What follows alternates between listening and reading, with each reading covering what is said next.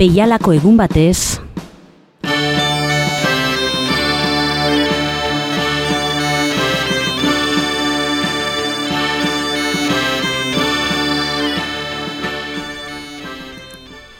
Mila bederatzireun eta hogeita sortziko urriaren sortzian jaiozen Vitoriano Gandiaga. Data hau dela eta baliatuko du gaurko gure programatxoa Vitoriano Gandiaga esenaren inguruko zenbait datu emateko. Datu biografikoak alde batetik, beste alde batetik bere lan eta poema gintzaren inguruko datuak.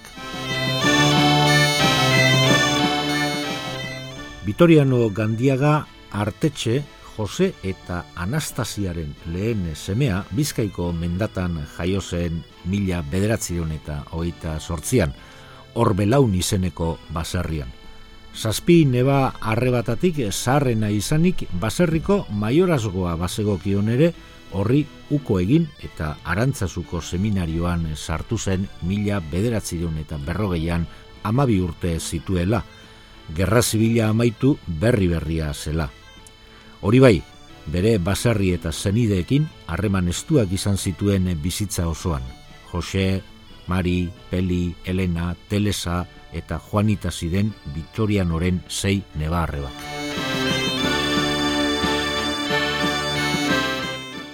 Bada hemen zerbait gero gandiagaren poesia hobeto ulertzeko, izili guztea komeni estena apaiz karrerari benetan ekin aurretik, beste hainbatek egin ohi zuen bezala, erdaraz apur bat ikasi arte urtebeteko kurso preparatorioa egin zuen lehenik. Ondoren, hiru urte gehiago egin zituen arantzazuko ikastetxean. Gero, handik bizkaiko forua herrira joan zen. Han, bi urte gehiago egin eta zarautza, nobiziadua egitera, Zarautz utzi eta Nafarroako litera joan zen filosofia ikastera.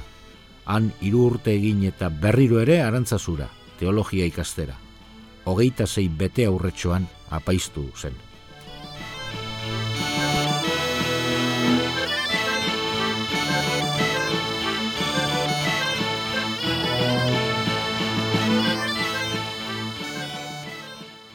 Arantzazun eh, geografia eta euskara irakasten zituen.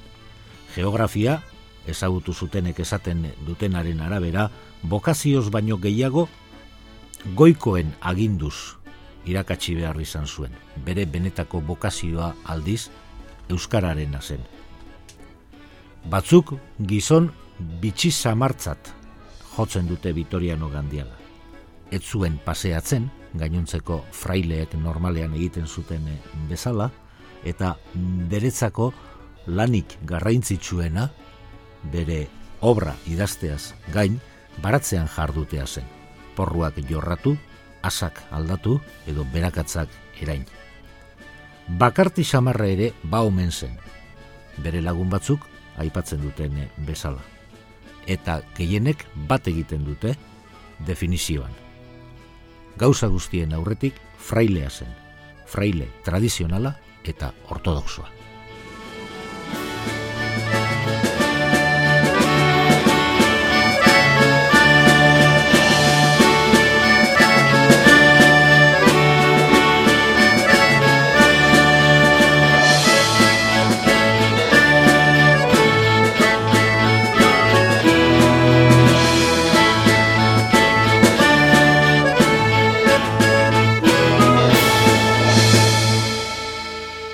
Arantzazun bizi izan zen gutxi atera zelarik eh, bertatik.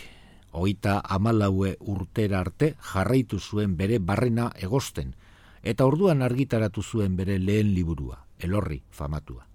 Dena den, gandiagak aurretik ere utzi zituen astarna aipagarriak. Arantzazu, egan, eusko gogoa eta olerti aldizkarietan publikatu zituen lehenengo poemak alegia.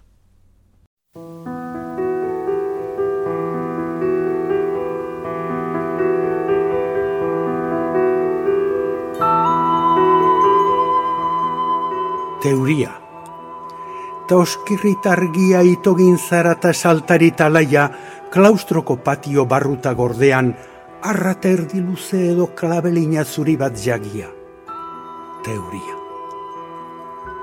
Argita saltari, zarata betilez, betiko betilez talaia. Kampoan baino be hariman bailitza. Arraterdi luze edo krabelina zuri bat jagia. Teuria.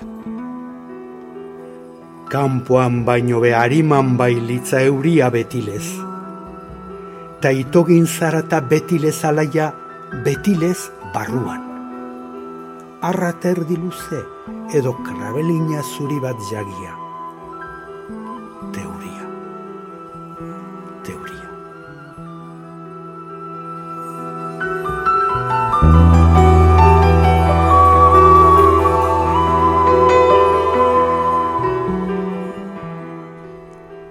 Teuria poema entzun berri dugu elorri liburuan idatzi zuen Vitoriano Gandiagak eta bere ahotzean entzuteko aukera izan dugu arestian. Elorri liburuarekin jarraitu zezan, elorrik eta arantzazuk esan nahi handiko abea osatzen dutela. Elorrik arantzazuko misterioa du kantagai eta horretan diardu. Mila bederatzireun eta irurogeita bian plazaratu zuen. Eta liburu erligiosoa da. Erligioso oso. Dena den, elorri, poema erligiosoaz, izadiari buruzko poema lirikoa ere bada. Garai hartako existenzialismoan girotua dago. Egileak elorria hartu du giza bizitzaren iruditzat. Giza bizitza ere elorriaren gizara txalkor, zarpail eta arantzez josia baita, mina eta samina alde guztietatik dariola. Hala ere, inoiz badaki lore txuriak ematen, elorriak bezala. Arantzazu kantatzen du, baina hori baino gehiago ere kantatzen du. Giza bizitzaren auzia edo egilearen beraren barreneko drama. Baina dramaren aurrean zutik jartzen da. Fedea hartzen du euskarritzat dramari aurre egiteko. Sinismena da, hain zuzen, poema bildumaren muina eta mamia. Gandiagak gutxik bezala jakin du inguruak eskaintzen dion edertasunaz jabetzen eta hori poema bihurtzen. Baina gandiagak ez du ingurua bakarrik poema bihurtzen, baita bere bizikizunak ere. Mesa laguntzen aritzen zenekoak, apaz gaintza, mesa berria. Arimako kontuak, arimako giroa, arimako paisajeak kontatzen eta adierazten ditu elorrik. Eriotza ere kantagai du Vitorianok. Udazkena da arantzazun eta udazkenak negua dakar. Eriotza. Udazkenean tristura elorriari loreak eta fruituak joan zaizkio, osto iarren apaindura baino etzaio ageri. Ardiak behera datoz, masustak heldu dira, intxaurrak erori udazkena. Elorrin erabili zuen e, euskaraz esan behar, guztiz aberatsa, egokia eta zuzena zela. Bizkaiera zidatzia dago elorri, baina bizkaiera ulerkor eta dotore.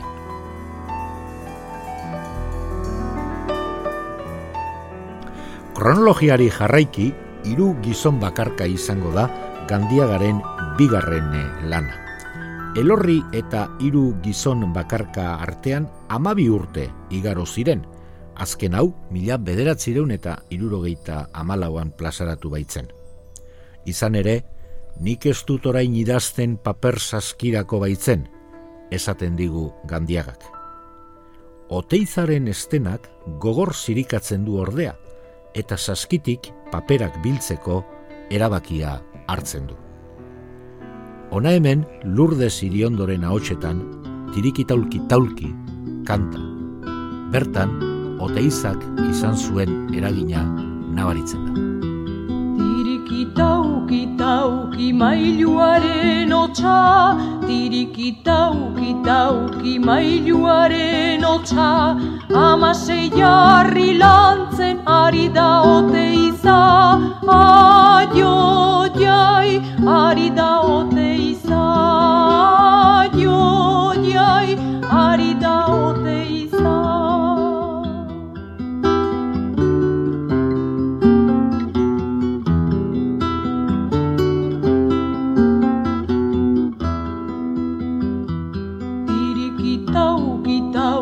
Mailuaren otsa, tirikitauki tauki mailuaren otsa, mailua penazkoa, harria gau beltza, aio jai, harria gau beltza, aio jai, harria gau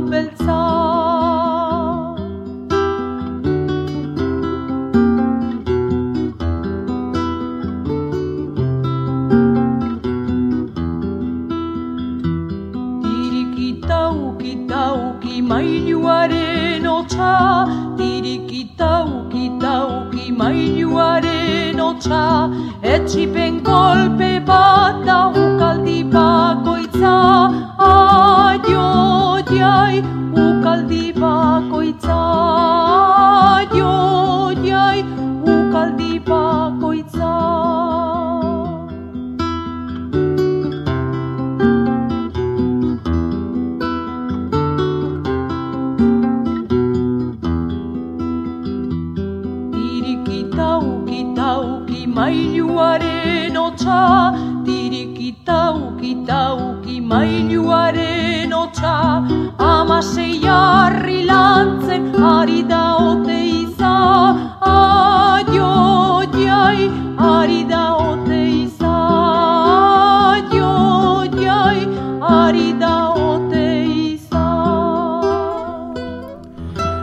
Irugizon bakarka liburuan, gandiagarengan somatzen diren etxipena eta oinasea aipatzen du zenbaitek.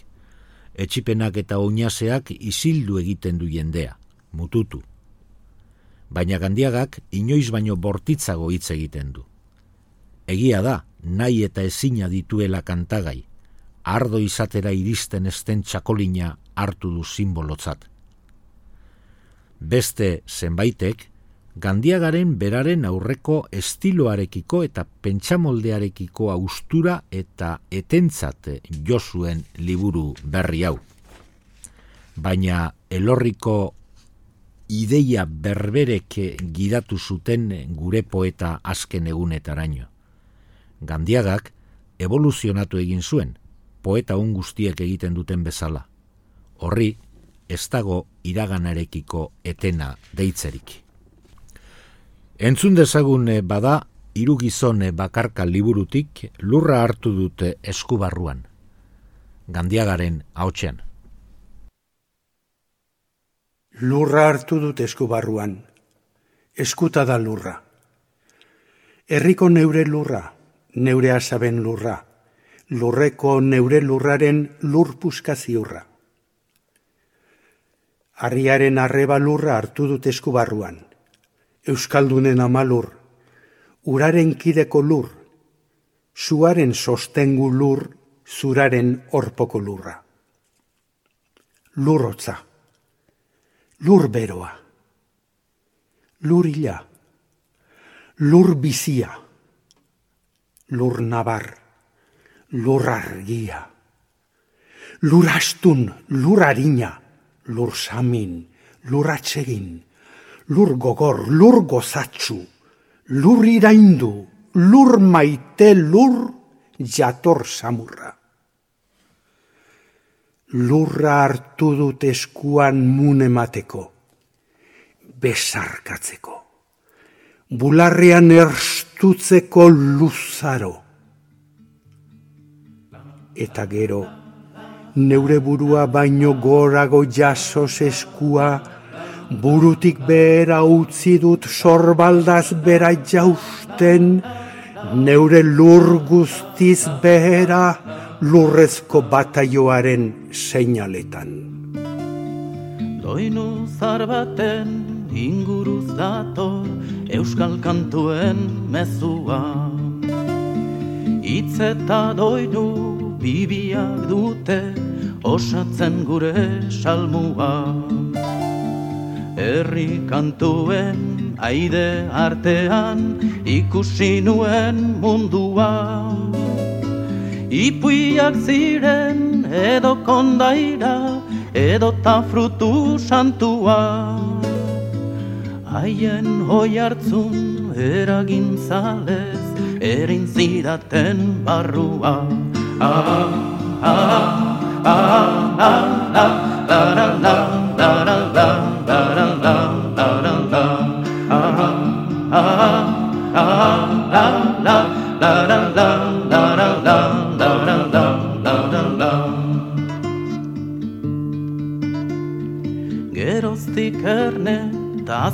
Zitzaidan lore gorri bat hariman Hemen daramat, hemen bizi dut ertetzen zaidan kantuan.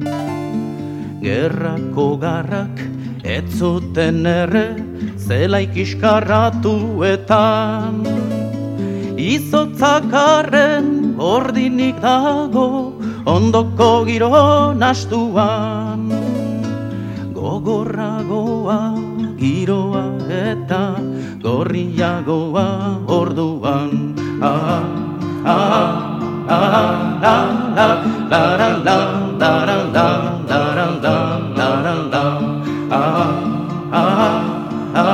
la la la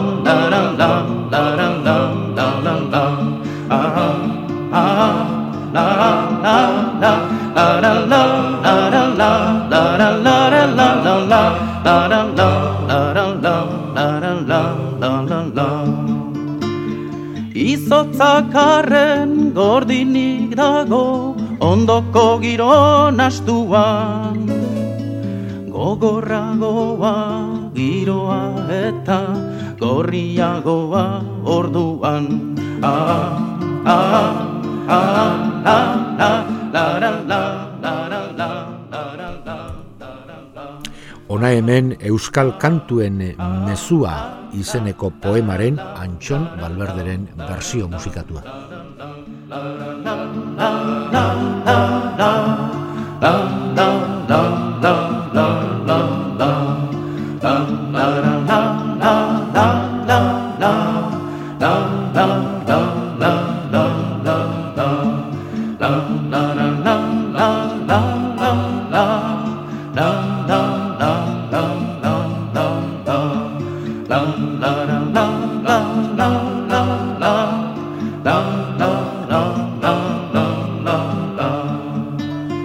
Bederatzireun eta irurogeita amazazpian bere irugarren lan mardula plazaratu zuen Vitorianok, uda batez Madrilen. Liburu honetan, errealitateari buruzko testigantza eman nahi du gandiagak, eta hori nola eman da bere kezka nagusia. Hiri handi bateko sartzeladak biltzen ditu, kolaz bat egin. Ikusten duen guztia deskribatzen du. Gruak, jente masa, emakume anonimoa, espaloiak, metroa, elizak, dorreak. Iriko komplezutasun korapilatxua du kantagai. Espresionismo soziala deitzen dio Juan Mari lekuonak. Desumanizatzearen aurkako garrazia da, autopisten aurka, eraikuntza erraldoien aurka ari da. Gizakia utxaren urrengo ikusten du. Gizaki horrek berak sortu duen kaosaren erdian. Kale zabal, etxe zailaltu, zerrenda luzetan luze baino luze, hogei kilometrotako gurpile radiotan Madrile. Monumentu, museo, parke, ministerio, eskalestrik, autoerrezkada aruzko onuzko nondina inora nahikoz, Madrile berriz ere, zubiz, tunelez, etxartez, carreteras, espaloiz, komerzios, anuncios, estropezus, eskailera automatikoz, jente automataz, makina giro dramatikoz. Kale zabal etxe zail altu izeneko poema, entzun dugu arestian gandiagaren ahotsean. Bertso librean moldatu zituen mezu ugari beti bezala, kantatzeko eginak dira, musikaltasunez jantziak. Espazioak garraintzi handia du. Fizikoki ere forma eman die poemei. Badu trikitiaren moldean osaturikorik ere. Eta honela, idazten du batean, hau da pandero berria, udalditan erosia, hau da pandero berria, Madriletik oroigarri adizkidei ekarri. Nastailo mengara Zeren herria ez baitu Hainbeste istimatzen euskara. Baina gu nastalio mengara Zeren herria ez baitu Hainbeste istimatzen euskara. Baina hala balitzere Gu herriaren alde bai gara gu ere.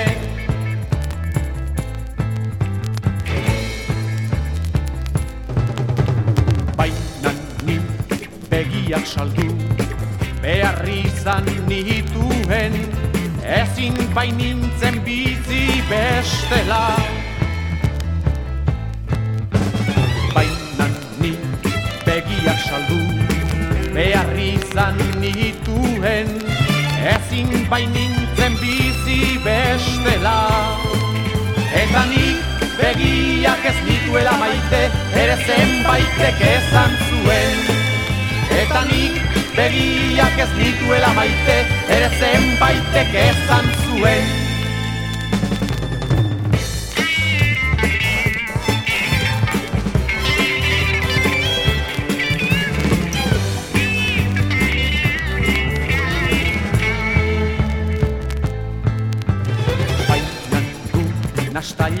gara Zeren herria ez baitu Hainbeste istimatzen euskara. Baina du nastailo gara Zeren herria ez baitu Hainbeste istimatzen euskara. Baina hala balitzere Gu herriaren alde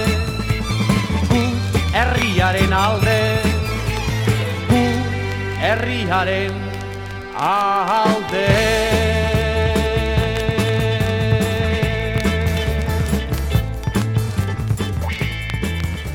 Urko kantari eibartarrak eh, egindako herriaren alde bersioa entzuten ari gara.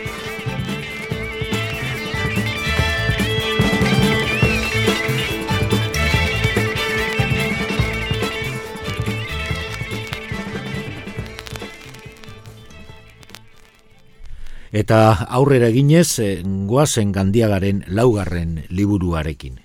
Denbora galdu alde, mila bederatzirun eta laroita bostean argitaratu zuena. Bere buruari eta bere arazoei eskainiriko liburua da, denbora galdu alde. Gandiagak airean egiten du salto prosatik poesiara eta hortik bertsora, gertatzen zaiona kontatzeko, Gogoak alase ematen diolako idazten duela euskaraz esan esazten da lehenengo poema zaila. Nahi lukeen leku guztietara ezin omen da iritsi, eta horrek sortzen dio egon ezina. Ez omen da lagun artekoa. Dudari gabe bakardadearen emaitza da aipatzen ari garen liburu hau. Gauza berei jiraka ari da. Jaramonik egin nahi elieken kontuak beti buruan – bere buruarekin bakar solasean ari da. Beretzat idazten du. Gogor bezain egiati jokatzen du bere buruarekin gandiagak. Arritu egiten da, edozein arazo latzek erasoarren lo lasai hartzen duen jendea badagoela ohartzean. Uskeriak benetan hartzen dituelako bere buruari herrietan ari da esaldi borobil eta sarkorrak darabiltza. Ona hemen adibidea. Alferra izan naizen keskarik ez dut, baina bai alferrik aritu izan naizen damurik. Gandiagak gorroto dio gizarte kontsumista honi.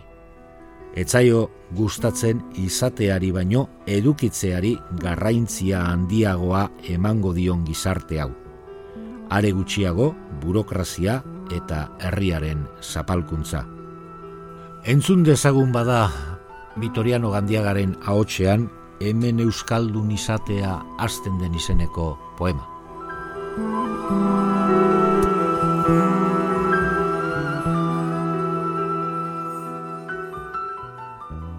hemen euskaldun izatea bezalako gudaririk ez dago.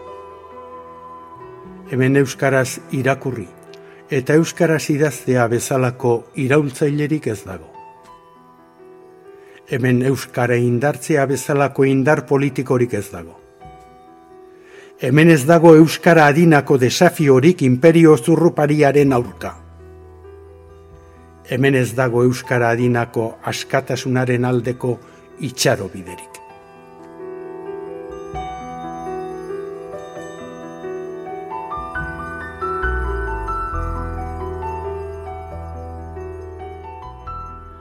Hirugarren munduko problemek ere kezkatzen dute. Uruguai, El Salvador, Guatemala, hortzea aipatzen ditu. Kopla, errimatu eta trikiti doinu alaian. Behartzuen munduko izar beltzak, omen dira Rusia eta Estatu Batuak. Liburu osoa da garrasi ozen bat. Fedearen eragina, esperantzaren bultzada eta posaldiak ageri dira, baina beltzune eta tragikotasun handia ere nabari dira liburu honetan.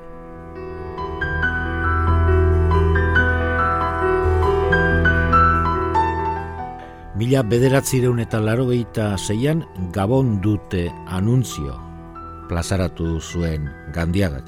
Liburu marduletan nolabait esan hori izango da azkenekoa. Hori ere, gainera, han hemenka barreiaturiko gabon kantuak, berak sortutakoak jakina, bildu eta osatua. Urte luzeetan idatziak dira kanta guzti hauek. Batipat lagun eta adiskidei hain egun seinalatuetan zorionak emateko idatziak dira. Baina ez pentsa, gabonetan ere, gandiagak, arazo sozialei ies egiten dienik bere betiko estiloari eusten diola esango genuke, eta estilo horretan jorratzen ditu belengo misterioa, fedea, salvazioa.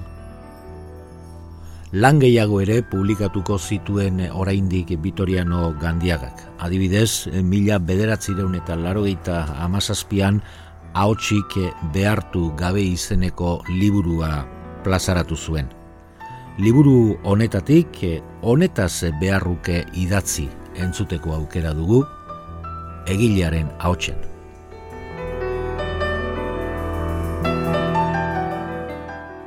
Honetaz beharruke idatzi, hartaz beharruke. Aholkurik norkeman badaukat demondre. Askoren solar zentzat gorre nahi nuke. Zergatik honetaz, hartaz zergatik zergatik ez neure gogoak damaidan bidez, zergatik ez jardun libre. Gai importante ez barne eraman nahi naute, neure izate moduaren begirune gabe, niretzat neure gaiak ez balira eta asko importante. Neure gaiak, gaitxoak, erlieberi gabeko ezankizuntxoak nahi ditut jaulki, ahotsik behartu gabe beude gai importanteak, beude beharrukeak, aholku guztiak beude, beren haunditasun haundiaren aldare barrokoetan. Ale.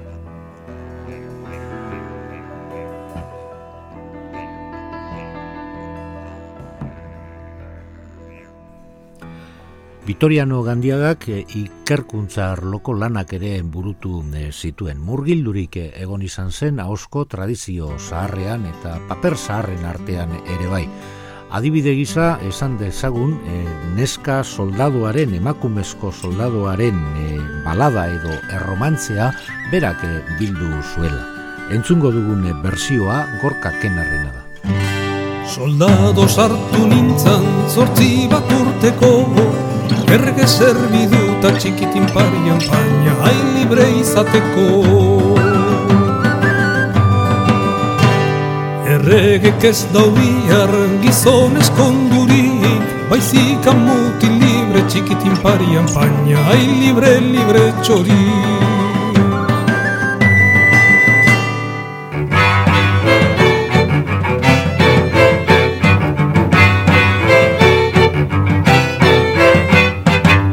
mutilak behareta mutilik egonez. Ergezian dago txikitin parian baina Ai jarritan egarrez. Neskak badaude baina ez dute balio. Erregeri begit txikitin parian baina Ai negarra dario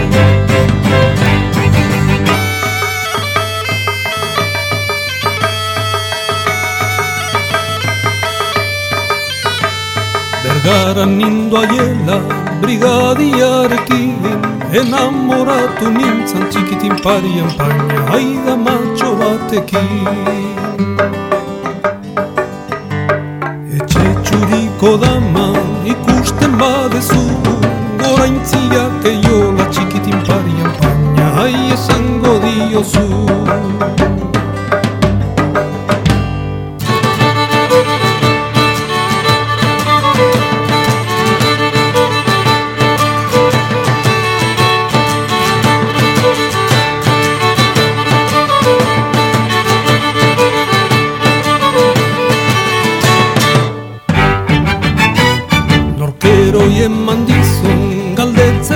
Feliz de aramburu txikitin parian baina ai esango diozu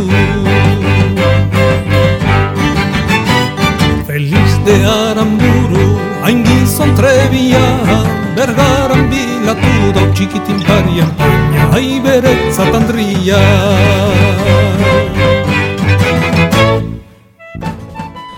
Osasunez moteldu zen arren idazten jarraitu zuen Vitorianok eta bere zenbait eh, lan bera ondoren argitaratu dituzte. Gandiaga, 2000 bateko otzailaren oita batean hil zen, irurogeita amabi urte zituela. Hil aurretiko egoera onela deskribatzen digu berak. Enintzen konturatzen nere grabedadeaz, pitinka bada ere obera egiten nuela uste nuen. Nik biziari heltzen nion, hortxe itxatzita bainengoen. Bizitzeko gogo handia nuen eta ametsugari ere banituen gerorako. Baina egun gutxirako nengoela esan zidatenean, malko galantak botata gero, onartu egin nuen. Vitoriano Gandiagak bere sentimentuak azken uneko sentimentu horiek e, igaro zaizkigu urteak izeneko poeman adierazi zizkigun. Ona hemen bere ahotsean esaten diguna. Igaro zaizkigu urteak. Usteldu ere bai usteak. Ia pot egin du gureak. Baina eta horra oraindik ez dugu alde nahi hemendik, honi ez diogu igunik. Naiz eta erostaz bizi bat, ez du nahi hiltzerik gehien bat. Iraun nahi du ahalden bezain bat. Etzen ametxetako munduan bizi, etzen bizioinpean dugun lurronetaz, kanpo etzen aberats eguneroko gia zuen eskatzen. Bere soina estaltzeko jantzia teuritatik ta hotzetik gordeko zuen aterpean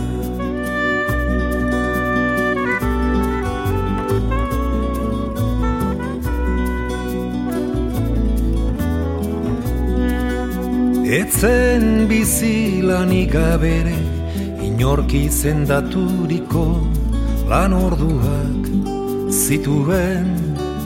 Ta so gustoko ezitzaizkion zenbait zer eginetan aritu behartzuen egunero urkoekiko amore harren Mila pentsatu zuen inoren menpetik alde egitea Askatasun gogo izugarri zuen bizitzako gurutze bakarra. Askatasun gogo izugarri zuen bizitzako gurutze bakarra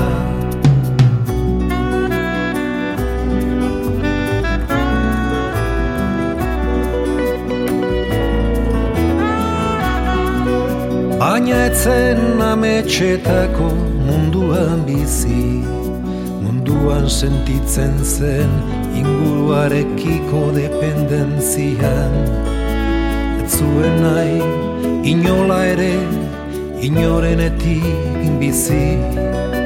Eta ongi zekien inguruko zer gauza bakoitzak bere independentzia. Zuela Nor bakoitzak bezala maite zuela. Zer gauza bakoitzak bere independentzia? Eta gauza bakoitzaren independentzia? Maite zuenez, naita nahi ezko zirudion Inguruarekiko akordio egoki batean bizitzea Naita ezko harremanean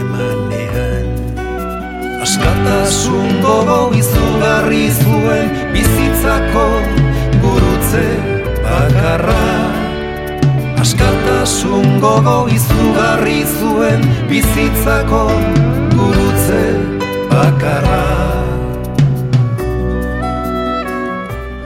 Gandiagaren gizon privilegiatua izeneko olerkia ari da kantatzen Gonzal Mendibil. Inore menpetik alde egiteko zuen sukarrura.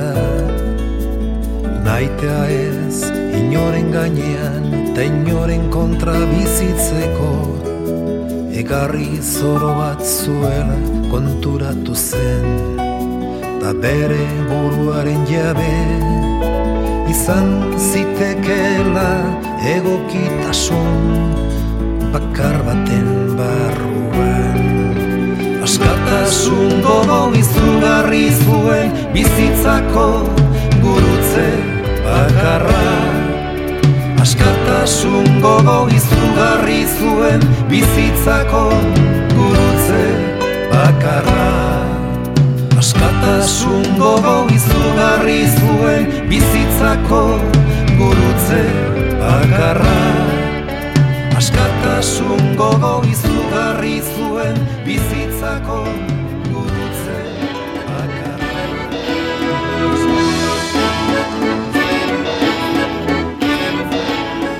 Gandiagak eh, kanturako balioko zuten eh, moldeetan eh, idatzi zuen eta euskal musikariek bere lanak musikatu dituzte. Ara nola, Lourdes Iriondok, Antion Balberdek, Oskarbik, Urkok eta beste askok ere bai.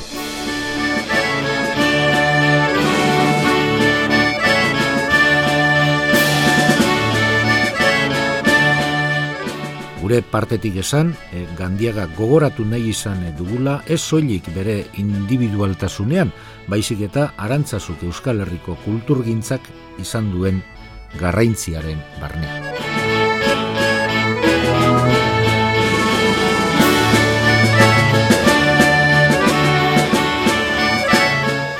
Eta bukatzeko zuri entzule mila esker jarri duzun arretagaitik eta jakizu leku bat izango duzula gure altxorren kutsa honetan.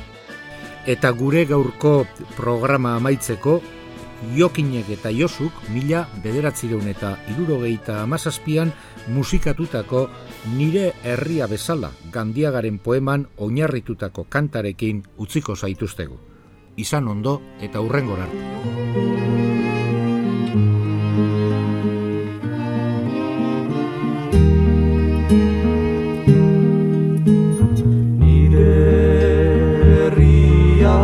salam.